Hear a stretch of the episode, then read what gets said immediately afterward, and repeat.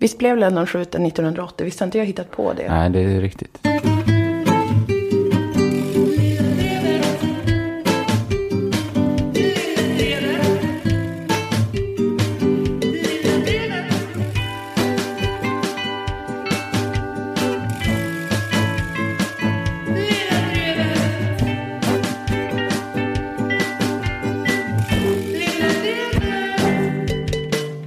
Välkomna till det åttionde avsnittet av Lilla Drevet, en podcast där vi diskuterar politik, samhälle och Rolling Stones klassiska album Exile on Main Street.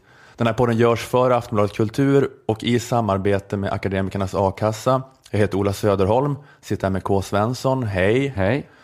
Och återigen måste vi ha vikarie. Det är inte energin jag vill ha från Nej, dig. det jag känns det känns inte värdigt för mig. Jag är inte arg på dig. Nej. Jag är arg men för att du är här. Jag är inte- Jag vill ha en egen fanfar och att ni ska applådera när mitt namn sägs. Allt annat är fruktansvärt för mig. Jag tycker det känns friskt att vi får in lite nytt blod. Exakt. Jag, är- jag är arg över hela situationen som gör att du måste vara här. Men ta det inte personligt. Okej då. Ehm, det var ju väldigt uppskattat här i förra, förra avsnittet när jag gjorde min spaning om att Paint It Black är den ultimata Rolling Stones-låten för människor som inte fattar Rolling Stones. Var det det? Jag följer bara reaktionerna på sociala medier. Och där jag det varit lite tyst, eller? Ja, men det var uppskattat i studion. I studion? Jag minns att du Ah. ropade mer sånt. Ja, ja. Det är sant. Ja, ja, det kan vara jag som var dåligt närmin. Vi kan klippa in det, för du blev så glad, glad över den träffsäkra spaningen. Bra case, Ola. Mer sånt här i Lilla Drevet. Jag blev glad att det var en Rolling Stones-låt jag kände till. Jag trodde det skulle handla om det. Inte att det var liksom alla idioters nationalsång. Ja, men att du, att du kände igen ändå dig i den spaningen. Att, att Paint It Black är liksom den ultimata Rolling Stones-låten för människor som inte gillar, eller som jag kallar dem, människor som inte fattar Rolling Stones. Ja, om, en person bara gillar en låt med Rolling Stones, då är det alltid Paint It Black. Men eh, går det åt andra hållet också, att om man gillar Rolling Stones så hatar man Painted Black? Ja, man gör ju det lite grann av någon sån då, eh, vilja att distansera sig då från de här Det är idioterna. ingen riktig blues. Nej, sådana som jag som fattar skulle i alla fall aldrig ha med Paint It Black på topp 20-listan. Det är med på min topp 1-lista. Det är väl en bra 60-tals popbagatell, men det var ju något de gjorde innan de hade hittat sin grej fullt ut. Da, da, Hittat, da, da, da. hittat det gunget. Jättebra. Jättebra låt. Men nåväl, alla blev eh, glada över den här träffsäkra spaningen. Mm, det var mitt i prick. Vad härligt ni verkar ha haft det. Och, eh, så jag tänkte att vi kan fortsätta det här experimentet med musikspaningar i Lilla Drevet. Okej, Åh. Det är väl bra att utveckla konceptet lite grann. ska vi ha en introtävling? När vi har malt på i 80 avsnitt om sossar, sossemoderaterna. Eh, nej, inte introtävling. Jag tänkte att vi skulle ändå eh, hänvisa till en nyhet. För det var ju den här grejen med den inställda U2-spelningen i söndags i Stockholm. Ja. De fick utrymma Globen. Eh, för att någon kanske sprang runt med en pistol där inne. Jag hörde att de eh, hade släppt in en med pistol.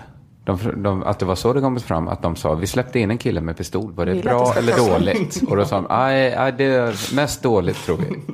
Och då gick liksom stora trumman. Det var väl att, en, att personen som blev insläppt var polis, eller i alla fall, eller i alla fall sa att den var polis. Och att han hade glömt, glömt lämna pistolen på jobbet. Sagt, höll han "Får- i den? Får jag snälla ta med den här in? Han hade den i en midjeväska läste jag. Jaha, är det vanligt? I en sån som man brukar ha pengar i när man är turist? Ja, men jag, ja, fast det gör det ju mer trovärdigt tycker jag. Att eh, hade man varit en riktig skurk hade man väl gömt den Ja, i byxlinningen. ja, lite nere vid foten kanske. Ja, eller så. Ja, det är inte så eh, klassisk gangsta att ha det i, i midjeväskan. Nej, Mer svenska polisen. ja.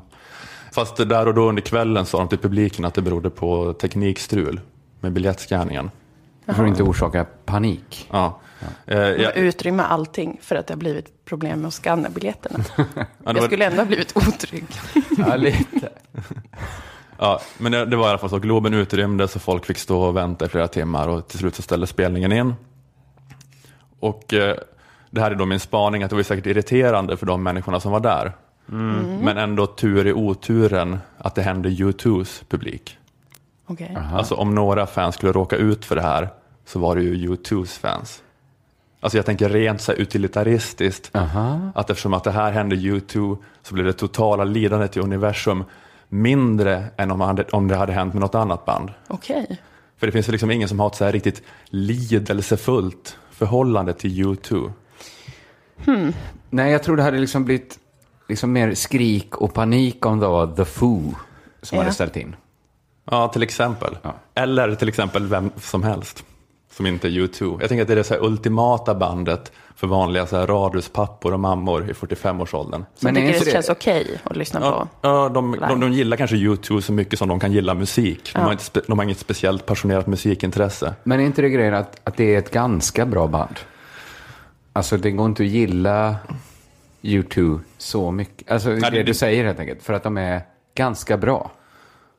Ja, de är rätt så här menlöst medelklassiga på något sätt. Ja, de är ju inte heller så att det är ett skämt att de är dåliga, men de är ju inte... Men finns det någon bra låt till exempel de gjort som man kan ha hört? Det undrar jag också.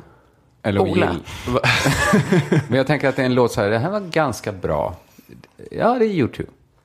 Ja, jag vet inte. Jag, jag är inte ens där, men eh, jag, jag tänker bara att det är liksom rakt eh, in i vedboden för den här typen av då 45-års, 45-åriga radhuspappor.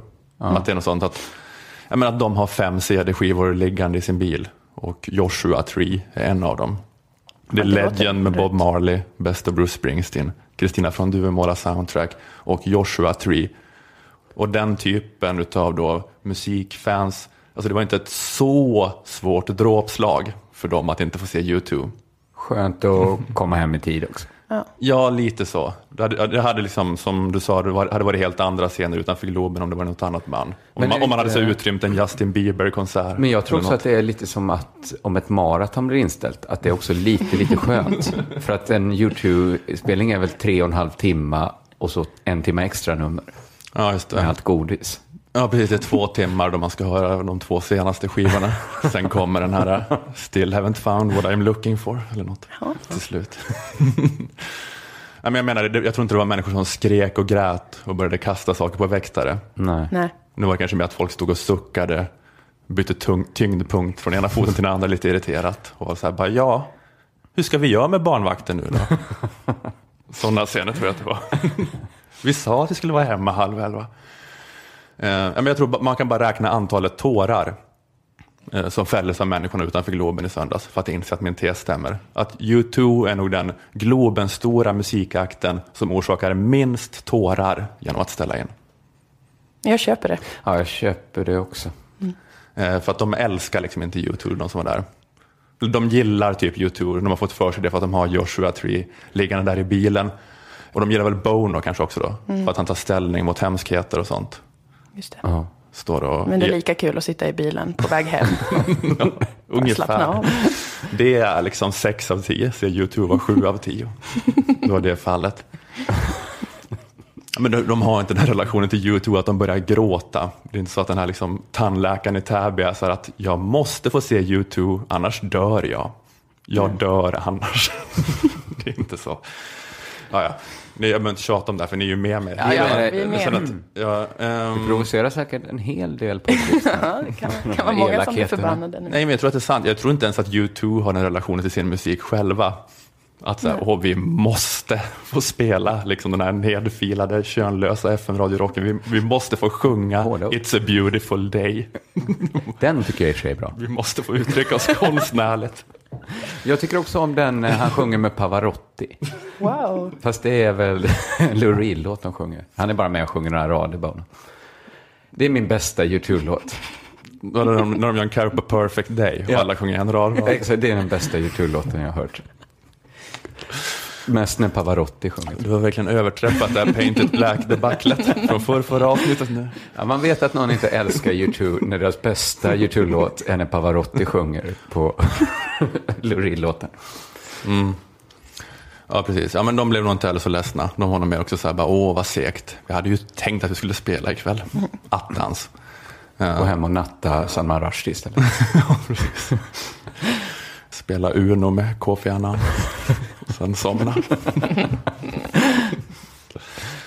Så det var eh, ytterligare då en musikspaning i Lilla Drevet. Tur att det var U2. En av två älskare. En av två älskade. Och eh, jag har eh, en till musikrelaterad grej att ta upp så här i början. Ja, surfa på vågen. Ja, precis. Jag, känner nu, jag kände att jag skiter i det här för jag inte känner att jag har flyt. Men nu känner jag att det går så bra, Ja. så nu bara, nu bara tar jag det.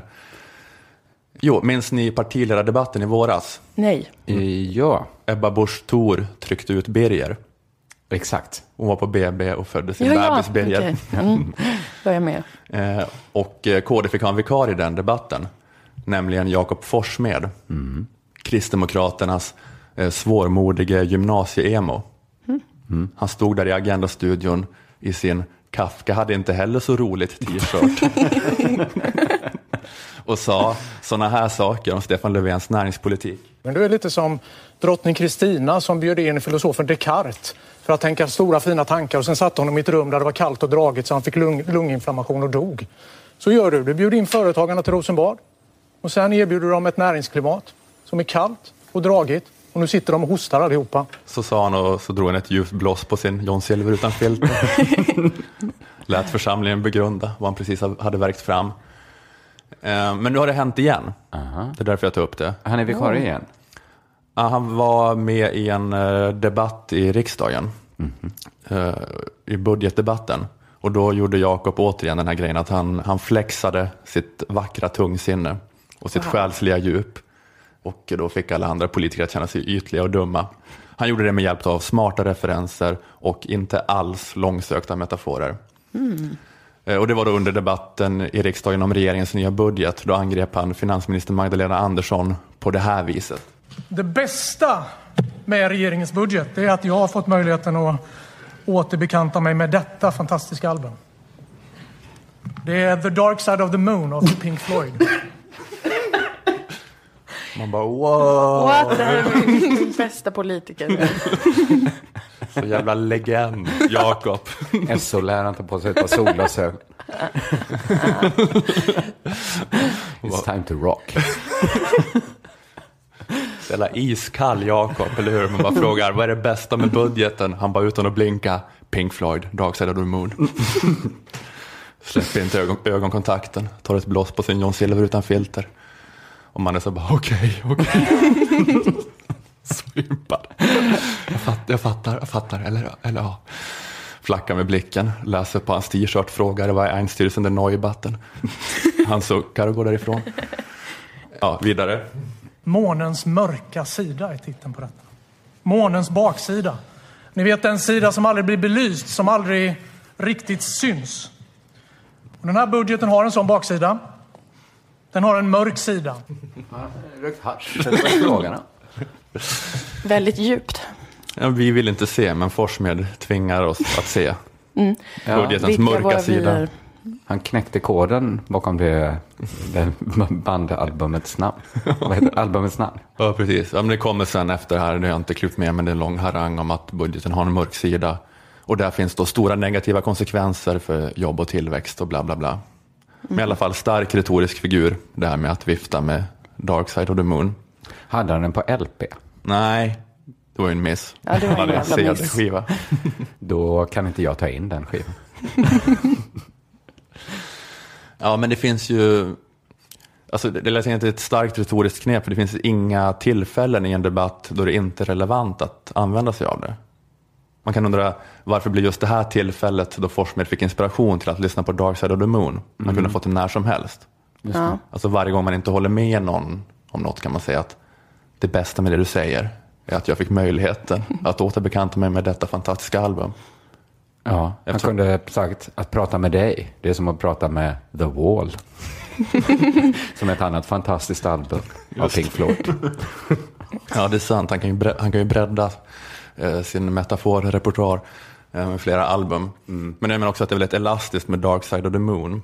För att allt, Ja, allt har en mörk baksida. Just det. Även månen. Ja. det du säger har en mörk baksida. Så man har, man har ju aldrig någonsin något annat val än att vända sig till Pink Floyds Dark Side of the Moon för att söka tröst. Varje gång liksom en politisk meningsmotståndare öppnar munnen.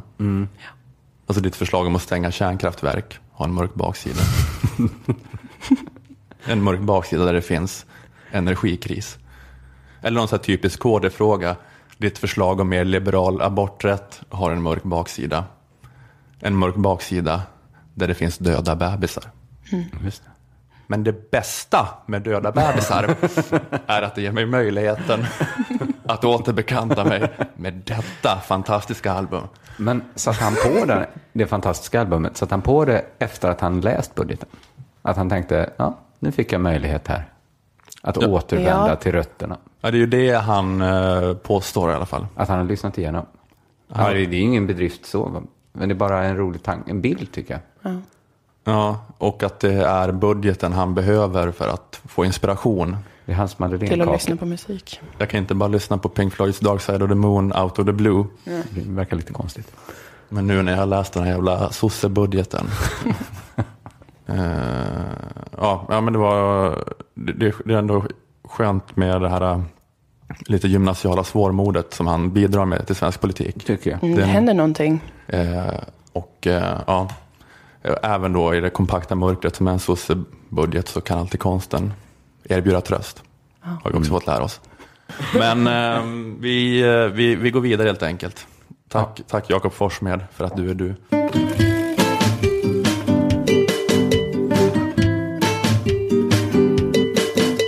Eh, har ni hört talas om Piggate? Ja. Ja, jag tar det för lyssnarna i så fall.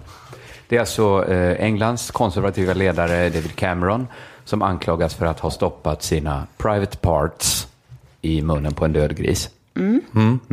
Inget konstigt. Eh, ja, nja, Lite. mm, lite. En politisk skandal i alla fall. Eh, har även kallats eh, Hamron. Elegant lek med orden ham och Cameron. Eh, eller kort och kort eh, hashtag oink. Som, som är grisens ljud. En anklagelseakt får man väl kalla det här av Lord Ashcroft Just det. i hans bok om Cameron. Det rör sig alltså om en oauktoriserad biografi. Där.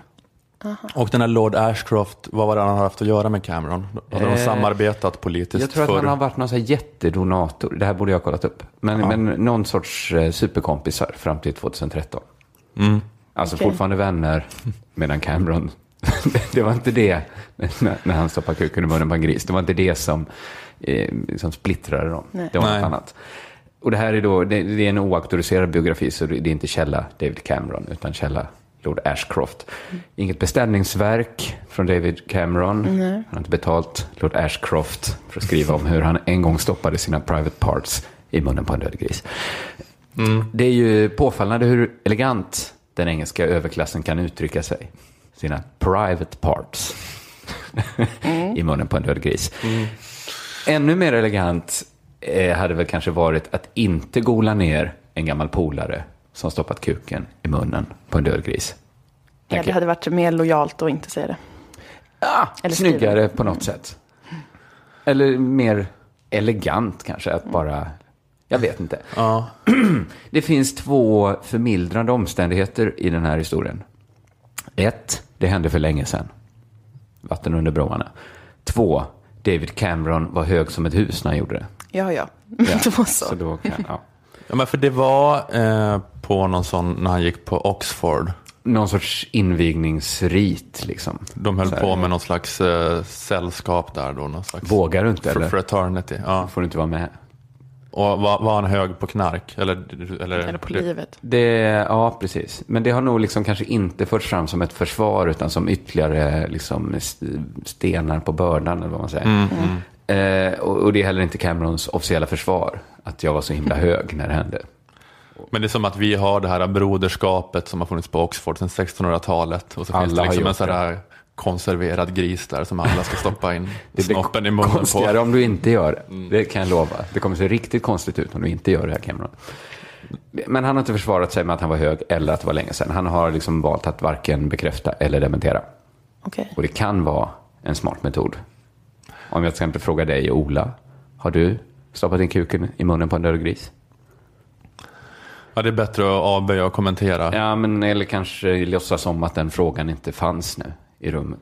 Det, För, att- ja, för att man... eh, för att eh, man ger liksom anklagelsen någon form av legitimitet. Att det, om du tycker det är rimligt att svara så kanske det liksom smittar av sig. Jaha, då kanske det var rimligt att fråga. Tänker jag mig att psykologin ser ut när man väljer liksom att inte nämna flodhästen i rummet Ja. Det är ju det alla undrar när David Cameron kommer in i ett rum, stoppar kuken i munnen på en död gris. Och han väljer att, att, att liksom, eh, det, det är väl ingen som tänker på det. Nej. Nej, men det är en jobbig situation att kalla till presskonferens och säga nej. Jag, har Jag vet inte om alla här har kuken. hört vad det tisslas och tasslas om. Men, Men Eh, finns det några bevis? Du kanske kommer till det? Eller är det, bara, är det Lord, Lord Ashcroft Ashcroft? säger att han har foton på det här. Ja, ja. Och det är något slags bevis. Ja, för då kan det ju vara svårt också att dementera om man vet att det kommer, de här bilderna kommer då att publiceras. Ja, men precis. Och det kanske är dumt att gå ut och bekräfta alldeles för mycket om det sen visar sig Lord Ashcroft. Han är inte alls några foton. Han inga bilder.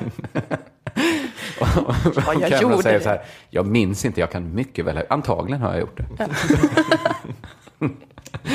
Tydligen har Lyndon B Johnson använt samma metod som Lord Ashcroft. Läste jag nu när jag läste på lite.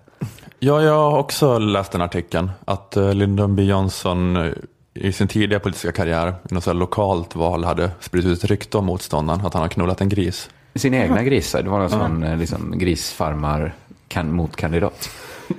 Det är inte viktigt att det var hans egna grisar. Ja. Sina egna suggor var det, för jag var tvungen att, och jag visste inte vad sugga hette på Varför lät engelska. han sina suggor? Nej. Men då, då var liksom grejen att eh, vi ska få honom att liksom gå ut och dementera det hela. Ja. Man vill att ens politiska motståndare ska kalla till presskonferens och säga jag har inte knullat en gris. Ja, Då är mycket vunnet. Eh, det här är ju liksom trams såklart. Men jag tycker det finns eh, en sak som är intressant med Piggate. Och det är på det sättet att diskrepansen är så ofantligt stor mellan hur illa det låter att köra in kuken i munnen på en död gris och hur illa det är. Jag håller verkligen med om det här. Det är vad jag också har reagerat Ja, men för det, på. Mm. alltså, det, det, det låter ju inte snyggt. Nej, det låter Det är- gränslöst vidrigt faktiskt. Men det är ju inte så farligt. Enorm diskrepans. Kanske den största som någonsin gått att mäta. Och då går det inte ens den här att mäta. Men jag, alltså jag, alltså jag kan säga att jag är helt övertygad om att jag hade gjort samma sak som David Cameron om jag varit där på Oxford. Jag tror de flesta hade gjort det. Jag hade Alltså- inte ens velat vara på Oxford. Ja, men du vet, alltså, om man är 20 och man är så här full och hög kanske också och det är någon sån Alla uppskruvad andra gör det. eh, nollningsstämning och man bara Åh, fan, fan vad sjukt, vi bara gör det, vi bara gör det. Det är, inte, det är ju supernormalt att göra det. Ja, men Helt exakt. normalt att stoppa in kuken i en Man är socialt awkward om man på, inte på, gör ja, så. men på riktigt. Jag Ja. tycker, det, jag tycker det, det är min Jag tror att det absoluta är- uppfattning. Att den här diskrepansen kommer från att alla de tre orden död gris och munnen liksom gör det hårdare fastän alla de tre egentligen gör det mildare. För det första, det är ju en död gris. Ja. Det ordet låter ju hemskt, men det är hemskt för oss som är levande. Om grisen själv skulle få välja, när vill du att David Cameron stoppar in sina private parts i munnen på dig? Ja. Bara hemskt för grisens släktingar eventuellt. Eller Framförallt nu närstående. när det står i alla böcker. Ja, men sen, sen också att det är på ett så här fraternity på Oxford är en sån viktig del utav det. Ifall man, så här, även om det var en så här död uppstoppad gris som Cameron är hemma, så, och man kom på att han bara tycker att det är mysigt hemma i sin ensamhet, stoppa in snoppen i den ibland. Ja, det, Att, hade ju utav det, det hade ju blivit väldigt, liksom, det hade varit konstigt. ja, det hade varit. Mm. svårare att förstå. Men, Men här ändå- är det ju att han har gjort det i någon sån framsuggererad Ruben Östlund-filmsituation. Då man bara liksom, som, sånt har vi alla varit med om, liksom, när vi pluggat eller vid andra tillfällen. Exakt. Och för det andra, det var i munnen. Den mildaste formen av sex. Hade oralsex varit en salva hade den tillhört apotekets milda sortiment. För det tredje, det var en gris. Ett djur som de flesta av oss anser gott kan ha det. Inte jag, men jag förstår. Muslimerna äter inte ens gris när de är nyktra. Här i väst blir ett ord ofta negativt laddat om man slår ihop det med gris. Känn till lortgris, Ja. mansgris, grisfest, grishockey, griseri, undantagen, gullegris, spargris. Bra. Det Bra tydlighet. Ja. Det sorts Fredrik Lindströmsk genomgång här. Det är bra att du inte vinklar informationen så att den bara ska stämma överens med din tes. Nej, Visa att det finns fler sanningar. snyggt. Exakt. Men det är väl Eh, också det som gör det lite extra snuskigt då i och för sig på något sätt. Att grisen är ett smutsigt djur. Ett så Ja, intelligent det, ja. djur. Alltså hade du stoppat in ja, men stoppat in snoppen i en död kanins mun. Men hade det varit bättre? Att, Men den har ju päls. Den människor och, och grisar kan ju dela vävnad. Hjärtan. Men också David Camerons vävnad. ja, men jag tycker det, det är aldrig förr har avståndet mellan hur illa någonting låter och hur illa något är varit större. Nej. Jag håller med om det, verkligen. Jag tycker också att det påminner lite grann om hur det kunde vara när man gick på så här, mellanstadiet och högstadiet. Det där att något som är i en situation, något som är i en situation är ett roligt skämt. Exakt. Eller, eller att, att det kunde vara farligt när man var i den åldern att kanske bjuda på lite självironi och självdistans för att folk skrattade åt det där och då. Men sen när man lyfter ur sitt sammanhang, att, att folk kunde använda det emot en. Ja, Jag kommer ihåg att det var en- exakt. Det var en kille på min skola som kallades, han skämtade någon gång om att han var gayen i början av sjuan. Det var ett skällsord då. Jag kommer inte ihåg situationen. Det var bara något så här skämtande. Så han sa ja, jag är gayen. Men sen kallades han konsekvent för gayen till och med slutet av nian. Att han bara skrek öh, gayen. Du också, Ola? Eh, Ja, vad skulle jag göra? Jag var ju bara glad att det inte var jag. Olas, en komiker uppväxt, uppväxt. Får vi brottsliken av. Nej, det gjorde jag faktiskt inte. Eh, jag eh, hade ett sju jävla civilkurage på den tiden.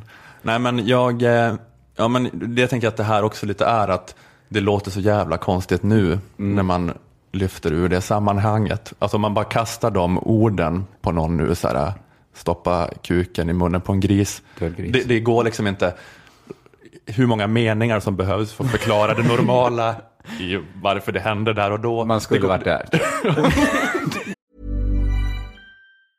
Tired of ads barging into your favorite news podcasts? Good news. Ad-free listening is available on Amazon Music for all the music plus top podcasts included with your Prime membership. Stay up to date on everything newsworthy by downloading the Amazon Music app for free or go to amazon.com slash news ad free. That's amazon.com slash news ad free to catch up on the latest episodes without the ads. Det får Cameron säga. Det biter liksom inte. det skulle ha varit Det är, det är hans bästa är försvar tror jag till hans alla hans häcklare nu. Ni skulle varit där. Ni skulle fattat. Det är omöjligt för den som inte var där och fattar det. Men jag tror liksom att dels alla vi i rummet, men också alla som lyssnar på den här podden just nu har gjort något värre. Kanske inget som låter värre, men något som är värre. Ja, Det är jag rätt säker på. Det- Så stå på dig David Cam- Cameron. Jag tänker att det låter illa, inte så mycket för då att han stoppar en kuk i, grisens mun. Jag behöver inte säga det fler gånger. Det börjar bli lite Vi väl. vet vad det, vet vad det handlar om. ja. Men mer att det säger någonting om vem David Cameron var i sin ungdom. Att han var ett sånt, Att han tillhörde sådana, att han var i sådana sammanhang. att han var en sån överklass-snorunge brat som bara var på Oxford och höll på med frimureri och var ett sånt fyllesvin. Men det tycker jag man kan tänka sig att ledaren för Englands konservativa parti Det borde folk varit. gilla. Ja, Ja, ja men- han men- borde använda Men det här det. att man ändå gillar att någon är så lite idealistisk, uppstyrd man. Som, att man inte bara var en sån som var typ som Saddam Husseins söner. Men kanske mer i så fall dåligt för honom att ha varit lite ett sånt mähä som någon bara, hör du Cameron, stoppa in kuken i munnen på den här döda grisen. Så bara, oh, oh, oh, absolut. Ja, men det var så Olof Palme var på sin fina internatskola. Att han blev mobbad där. David Cameron-killarna kallade honom skit-Olle. Han, han, trivdes, han trivdes inte där bland alla de här överklasspersonerna. Sen så slutade han där och åkte till amerikanska södern och lärde sig om rasism och fattigdom. Alltså man får ju inte bilden av att David Cameron var en sån idealistisk man i sin ungdom. Snyggt av Palme att säga nej där, när grisen rullades fram. Ja, men han blev, blev inte, fick inte ens chansen att bli invald i broderskapet förmodligen. Nej. Ja, men för det var det jag tänker att det cirkulerar någon bild på Twitter då det var så här Jeremy Corbyn, alltså den här nya Labour-ledaren. Jeremy Corbyn in the 80s och David Cameron in the 80s. Och David Cameron in the 80s var en bild på en man som stod med neddragna byxor framför en gris. Det var inte David Cameron då. Men sen så var det Jeremy Corbyn in the 80s. Och då var det en riktig bild på en ung Jeremy Corbyn där han blir så här bortförd av poliser. Och så har han en, liksom, håller han i en skylt där det står Defend the right to demonstrate against apartheid. Ah, okej. Och då ser det snyggare ut. Liksom. Det ser snyggare ut. Men det liksom bygger också på att varje gång som han var och demonstrerade mot apartheid så stod David Cameron och munknullade en död gris.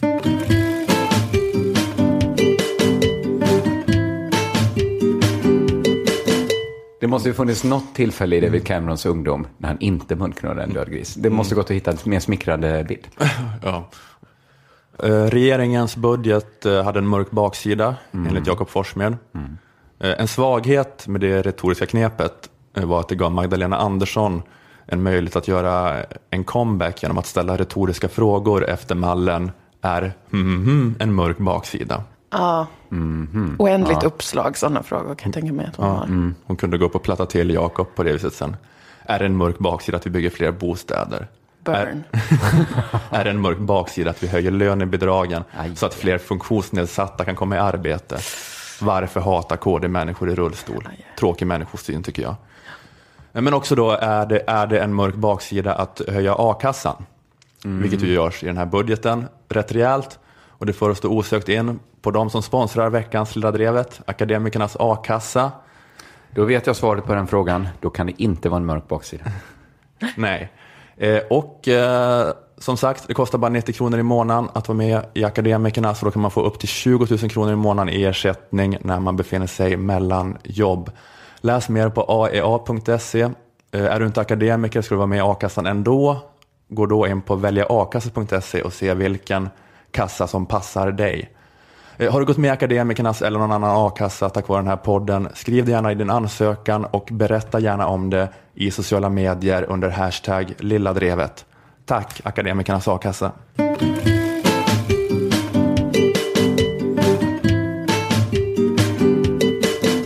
Den senaste veckan har något väldigt intressant hänt. Och det är att gränsen för vad som anses rimligt att rasa mot har förflyttats. Okej. Mm. Människor har ju alltid rasat genom tiderna. Och brukar göra det när de känner att något är moraliskt fel, till Då exempel. rasar man. Då rasar man. Nu är det kanske ofta att någon har skämtat taskigt eller formulerat sig klantigt och ignorant. Då rasar man. Och vi har ju sett ofta att funktionen med att rasa kan vara att få en person att gå ut och be om ursäkt, säga förlåt. Hur kunde jag göra det? Hur kunde jag Ja. vara så urusel? Absolut. Inte Okej, alltid, men inte ibland alltid. Så, så, så går det så långt. Precis. Och man kanske får sluta på sitt jobb för att man har varit så klantig och formulerat sig fel. Eller som sagt varit ignorant. Ja, ja. Men för att det ska funka så, så krävs det ju att personen man rasar mot lever. Där tror jag att ni kan hålla med mig. Mm, för att den ska kunna be om ursäkt. Ja, man ska få den typen av avbön. Och... Precis. Få den tillfredsställelsen av sitt ras. Att någon ber om ursäkt. Då måste ju den personen vara vid liv. ja, just det. Jag är tror inte det är helt sätt. radikalt, det Nej. jag säger. Nej. Men i veckan så förändrades detta. Man sprängde gränserna. Tid och rum finns inte längre. Död eller levande, vad är skillnaden? Man kan vara lika ignorant ändå. Mm. Får den att tänka. Brittiska Channel 4 visade dokumentären It was all right in the 60s. Heter den. Handlar om saker som visades på tv på 60-talet. Som var okej då. Kontroversiellt idag. Mm. Jag fattar. Ni fattar. Ganska skojigt eh, programkoncept tycker jag. Ja, men också dödsallvarligt. Ja, Kringlan, tänk efter nu vad det är du säger om, Ja, om det som hände på 60-talet. För att det här har blivit, det har, det har, det har hänt grejer kan man säga. Jaha. För i ett klipp så visar de en Beatles-konsert från 60-talet då. Mm. Och vi får se hur John Lennon imiterar en utvecklingsstörd person. The Beatles säger klappa händerna till publiken. Och då gör han en slags imitation. Ja. Och det här, mina vänner, det här har fått folk att eh, rasa. Få panik. Arga, upprörda, kränkta. The Independent, The Mirror, de har skrivit om det här, om hur fansen är i chock. För att de har fått se den här sidan av John Lennon. En fruktansvärt ignorant funkofob. Ja, ja. Människor känner ilska och sorg över att eh, fredskämpen John Lennon visade sig vara en så vidrig människa. Just det. Och även i Sverige så plockades nyheten om den här skandalen upp i Aftonbladet morgon i och för sig. Men, men där så stötte man och blötte man detta. Kan lyssna. Det är ju så typiskt hu humor där man slår neråt. Ja, ja, ja, Och det är inte okej. Det var en taskig imitation av en utvecklingsstörd av John Lennon. Nej, det tyckte... Nej, nej, nej. Jag förstod Vad fel. gör du? Men John Lennon har använt sig av typisk humor där man slår neråt och det vet vi alla, det är inte okej. Mm, nej. John Lennon har varit osmaklig och kränkande och han kan inte gömma sig bakom att han blev skjuten 1980. Det är fegt att gömma sig bakom det. John Lennon eh, måste ta sitt ansvar. Var är din maktanalys? Ja, vi tittar på dig, ignoranta fitt John Lennons lik. Ja, men- Hur försvarar du det du har gjort? Men menar du att David Cameron ska stoppa sin snopp i döda John Lennons mun för att vi ska få någon slags liksom, vedergällning? Det måste finnas ett andra... Det måste finnas en Rättssystemet måste ha andra metoder, tycker jag. Nej, men man, man, man undrar, hur försvarar John Lennon detta? Mm. Varför har han gjort det här? Kan lyssna här på ett till klipp från Aftonbladet morgon. Här har vi John Lennon, en enorm makthavare eh, som, som helt enkelt försöker få billiga poänger på att slå neråt. Jag tycker att det är störande. Det är lite magstarkt. Det är lite magstarkt när, magstarkt. när en makthavare som John Lennons kvarlevor försöker få billiga poänger. Han är död och ändå fortsätter han. Men, men det här är ju just det som är, eh, det som är svårt att liksom eh, få huvudet runt. Att han är ju död, så vem ska be om ursäkt? Vem, Ja. Vars är hans ursäkt? Man fortsätter rasa mot det vidriga han har gjort, men det går ju inte att få en avbön offentligt, för han har varit död sedan 1980. Det är länge nu. Och det, det, man skulle väl kunna lita, anlita ett slags medium och så vidare, men det är ganska få som tror att det på något sätt är, Ja, funkar. nej, så det, precis. det är ju kört på många sätt. Så det är lite oklart vad som är syftet med att bli väldigt arg på just John Lennon, på det han har gjort. Det skulle i så fall vara att man vill liksom understryka att man själv är så pass eh, godhjärtad att man kan se att det här var fel och att John Lennon var ett svin. Och att man kanske tänker att den moral som vi har idag, den är universell. Den Mm. är högt stående och vi kan därför se att det här var fel. Även om dokumentären utgick ifrån att det här var kontroversiellt. Det var eller är kontroversiellt idag. Det här var jättekonstigt på 60-talet. Det här var okej Och- på 60-talet och nu, Ja, just det, så var det. Just det. och nu kanske det uppfattas som kontroversiellt. Det var ju premissen för, för de här klippen. Men ändå så har folk blivit arga. Jag har till klipp. Ser lite så här humor på bekostnad av andra. Oavsett tidsålder så är den lite osmakligt mm. den. Oavsett tidsålder, mina vänner, så är det osmakligt i munnen när någon eh, gör humor på bekostnad av en annan människa. Mm. När man gör... Man blir ju sugen på att se John Lennons liksom, kränk. Här. Ja, det finns ju, det cirkulerar ju, folk eh, Ja, är men- ju otroligt just- ledsna. Men var det liksom att han tog upp en utvecklingsstörd och pekade på han och sa nu ska jag imitera det? Eller, eller liksom var det utvecklingsstörda som grupp? Nej, han, Jag- sa, han sa clap your hands Och så med, klapp- med så här utvecklingsstörd imitationsröst. Ja, det var Då så. Nu jag- klappar vi händerna tillsammans, eh, imitation. Det är kanske är en förväntad åsikt av mig att ha, men jag tycker det kan ju knappt höra hemma i det programmet. Alltså ett, Men du märker ju så här knasigt var det på 60-talet. För att folk gjorde ju svin CP saker på 60-talet. ju. Nu använder vi inte det ordet. Nej, inte det. Nej. Ja, men, det- men det är så jävla eh, konstigt den där eh, att skämt på, be, på bekostnad av andra är alltid fel. Genom historien, att även när vi tittar tillbaka på saker så blir, ska vi nu bli Mm. rasa eller bli liksom förbannade. Ja, men vad, vad betyder det ens? Alltså det är ju en helt, alltså det är en helt tokig grej att säga. Skämt på bekostnad av andra är fel. Vilka skämt är då kvar? Vilka skämt är inte på bekostnad av andra? Nej. Det kanske är fånigt att ens börja Skulle du argumentera om dra det. dina Forssmed-skämt? Ja, alltså, De var ju ändå taskiga mot han och hans musiksmak. Ja, det var på bekostnad. av. Retoriska stil. Men jag har... det, jag ja, har men det, det är en eh, sån total eh, idiotgrej som sägs utan att någon märker hela tiden. Ja, det Skämt på bekostnad igenom. av andra. det låter fint och nobelt. Ja, det är det alltid det. fel oavsett tidsålder att Det- vara lite taskig mot Det kanske är ett så här inverterat piggate. att det låter fint och nobelt. Men det är till vad det är. Men jag har, tagit, jag har tagit mig friheten att skriva några exempel på nyheter som eh, Aftonbladet, kanske Expressen, kan plocka upp, i, rasa mot. Mm. Absolut. Ha ett panelprogram om detta eh, och få folks chockerade reaktioner. Jag har skrivit här. Människor chockerade. Drottning Kristinas kvinnohat avslöjat. Enligt en källa till Aftonbladet ska feministfavoriten drottning Kristina ha godkänt halshuggningar av två kvinnor som dömts för häxeri. Visst, hon levde i mitten av 1600-talet, men det är ingen ursäkt för att ha en bristfällig genusanalys. Pinsamt, säger Jens, 34. Skandaldokumentet visar Platons mörka sida. Anhängare av en av den västerländska filosofins huvudriktningar kräver ursäkt för idén om en indelning av folket i filosoferna, soldaterna och de vanliga. Bara för att man är född 428 år före Kristus kan man inte vara hur ignorant som helst. Fullständigt vidrigt beteende, rasar Charlotte i Upplands Väsby. Den typen av nyheter kan vi nu eh, använda oss av, rasa mot. Fruktansvärda saker som har hänt i historien, ställ dem till svars. De här gamla liken som ligger, ligger i marken. Nu, nu är det bara att köra, fördämningen har brist, gränserna finns inte längre. Nej, det var Nu som att de så öppnade en dörr och hittade en helt ny värld. En värld som heter har Tutankhamon hänt. alltså. Fy fan. Du, du där vi liksom har piskat Ulf Brunnberg tills det inte går längre. Så, Vänta, det finns något som heter historien. Och Djingis de var khan. sexister och de var rasister och de var funkofober. Nu jävlar händer det grejer. Inte okej det Djingis khan gjorde. Dålig smak i munnen.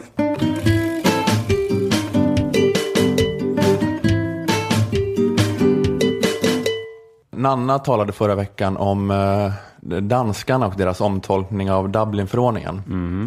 Hon använde tillmälen om danskarna eh, som fryntliga rasister. Ja. Okej. Hon spelade upp klipp där en dans kallar svenskar för halal-hippies. Det är rätt bra. Och det här är ju ett tonläge vi fått vänja oss mellan våra länder. Ja, det är uppskruvat. vid. Ja, Det är Norgehistorien 2.0. ja, undrar om det är det här som är den stora faran med den så kallade massinvandringen. Att den ökar inte spänningen mellan infödda svenskar och utomeuropeiska invandrare utan liksom den ökar spänningen mellan svenskar och danskar. Ja, det skulle kunna gå riktigt åt helvete. Ja. Håller på att spåra ur det här kulturkriget. Kommer landstigen armé snart här i Skåne. Öresundsregionen ligger illa till. Ehm, Men det är ju då ett, eh, dels ett kulturkrig om eh, flyktingfrågan och invandringspolitiken. Också då kanske lite kulturkrig om huruvida man ska stå upp för det sekulära samhället. Eller om man ska ta, ta sådana som tycker att hädelse är ett brott på allvar. Tänka på deras känslor. Eh, I det avseendet är jag lite mer team Danmark, Mm, intressant. tror jag. Jag, jag, jag tror att de har en vettigare inställning. Jag bara inbillar mig i alla fall att det i till exempel sociala medier-flöden i Danmark är det mer ovanligt med CPn, jag vet vi säger inte så, men låt oss kalla dem CPn, som tycker att det är en komplicerad fråga att säga att, att man är Charlie eller Lars Vilks. Eller Don Park. Okej.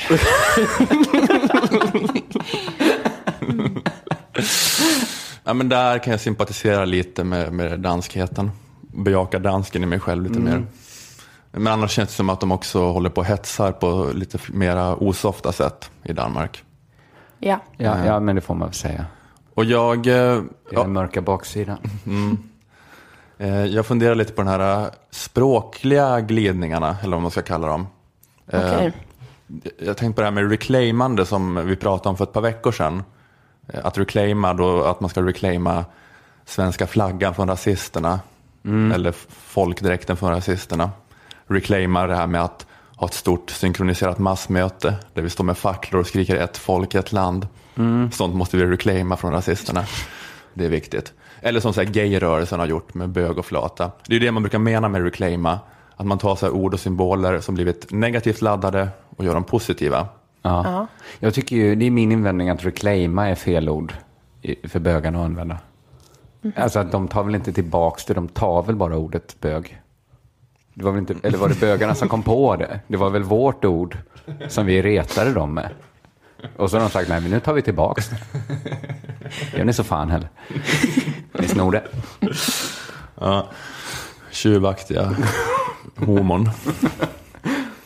Ja, I alla fall, men det brukar vara gå från negativt till positivt. Mm, ja, det, det det, det är det reclaimandet gör. Det man i folkmun kallar reclaima, eller ta det tillbaka. Eh, Men jag märkte att det finns också den här grejen, och det kommer ofta från höger, att man reclaimar fast tvärtom. Man tar något som är en komplimang och gör det till en förolämpning. Okej. Eh, till exempel, eh, nej jag tänkte fel. Ja, men det mest klassiska är ju politiskt korrekt. Det var det jag skulle säga. Fan också att jag inte stod på mig. Det var så många dubbelnegationer. Men det, är, ja, men det är ändå typ en komplimang. Att man är en sån, alltså man tänker på det, att man är en sån som är inkluderande och inte beter sig kränkande. Men den komplimangen är ju totalt reclaimad som förolämpning. Eh, annars är ju den som är mest populär just nu eh, god. Ja. Att så här, vänstern och liberalerna lider av svårartad godhet. Här kommer de goda godhetsapostlarna från Team Godheten. Just Sitter det. på sina höga moraliska hästar och är goda. Men det är väl det DNA, där har de försökt ta tillbaks det. Så här att det måste vara bra att vara god. Ja, just Det är det. den spänstigheten de har. Hallå där, är det inte bra att vara god? Eh, jo, men det jag märkt är att de är så lite mer avantgarde och i framkant när det gäller den här typen av reclaimande i Danmark. För, för jag läste ett, eh, ett Danmarks reportage, som, alltså det var nog ett halvår gammalt eller något, men det var någon som delade det av Lena Sundström. Och eh, där stod det bland annat att det nya skällsordet i Danmark för sådana som är emot Dansk Folkeparti är eh, de anständiga. Okej. De anständiga. Alltså, ja. Ja, men det här Här är kommer de anständiga. Sitt där på sina höga, höga hästar och är lite artiga. Men de blir som girigare och girigare i sitt reclaimande. Alltså först är du så här skenhelig, blåögd och naiv om du tror att man kan vara politiskt inkluderande. Sen är du det om du tror att man kan vara så här god i största allmänhet. Och nu är det fel att bara vara lite anständig. Den borde gå hela vägen. Det är Homo sapiens. är det sån där Homo sapiens? Ja, det är du är inte en total röv. Vad fan tror du att du är? Du, de lumpna, de som bara är lumpna. Här kommer de lumpna på sina höga moraliska hästar. Beter sig bara lite halvfientligt mot syrier. Vad fan tror du att du är? Landsförrädare. Ja, men det är så girigt att de som är emot Dansk Folkeparti, de har ju redan gett upp politiskt inkluderande. De har gett upp att vara god. Det enda de vill nu är, vi kan väl bara vara lite artiga. Alltså vi ska säga åk härifrån till flyktingar, men vi kan väl göra det på ett så civiliserat sätt. De artiga. Säga tack men nej tack. Är du artig eller? Ja, jävligt artigt. Och danska högern bara så här, nej, du måste spotta dem i ansiktet och släpa dem i håret till flygplatsen. Annars är du en PK, bög och flumsocialist. Sitter där på dina höga moraliska hästar och bara är artig. Artiga jävla självhatare, landsförrädare. Eh, jag tänker, är det så nu i Danmark eh, att eh, för att eh, räknas som så här flumsos och halal-hippie, då räcker det med att man är en så här gentleman-rasist. Ja, det låter möjligt. Man är lite artig och anständig. Om man, en, en sån så här ridderlig och chevaleresk plantageägare i amerikanska södern med vit kostym på 1800-talet som har slavar men behandlar dem anständigt. Att en sån hade de med dagens danska mått Ja, mätt klassat det som liksom, farlig mångkulturkramare. liksom en, kanske den sista ex, gruppen att exploatera för till exempel Sverigedemokraterna. De som är lite för fina för att rösta på Sverigedemokraterna. Att det är ganska bra att, eh, som, som liksom skällsord. Du tycker egentligen så, men du är lite för anständig för oss. Mm, lite för fin. Eller hur? Ja, just det. Grejen med dig är inte att du är god eller politiskt korrekt. Nej, du är bara lite för fin i kanten för att rösta på oss. Och jag tror att det stämmer så himla, himla bra att det finns så jävla många kvar som egentligen tycker som Sverigedemokraterna. Men som är lite för fina för det. Bara hänger dig åt svineriet. Att det är det som... Ja, jag säger inte att de ska det. Jag är ju definitivt för fin för Sverigedemokraterna. Nej, men att, de, jag menar att det är Sverigedemokraternas så att säga, eh, taktik nu att säga det.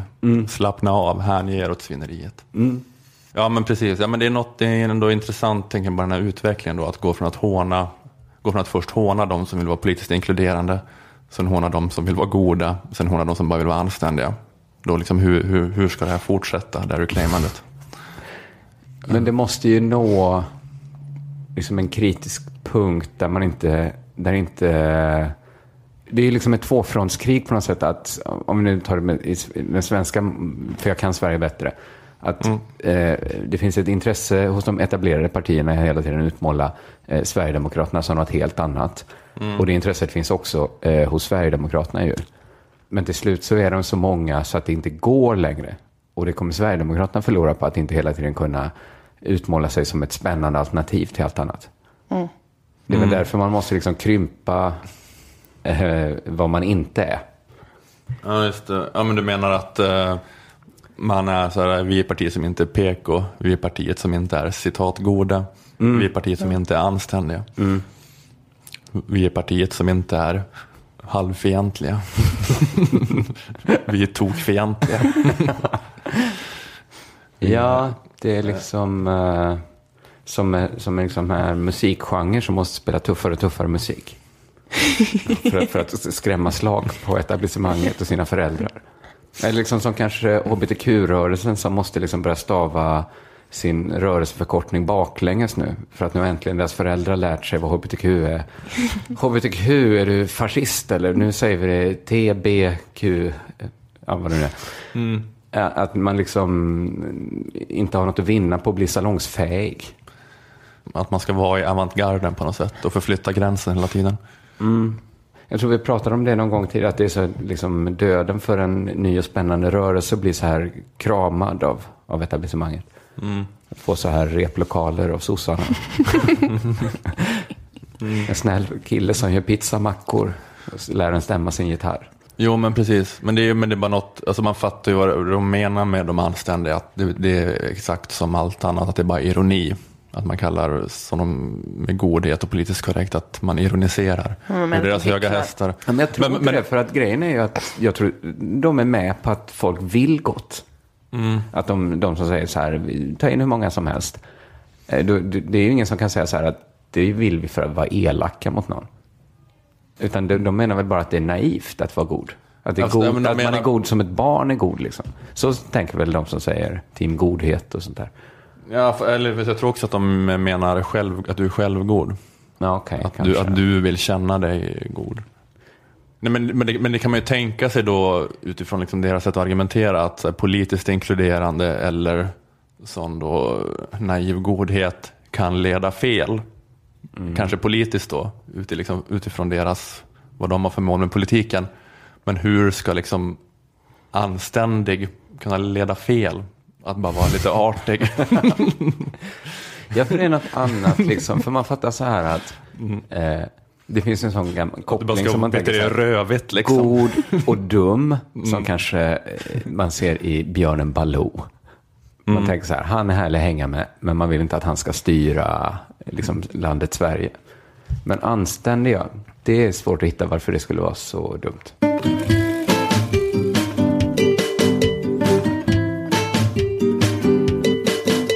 Behöver vi göra reklam för någonting?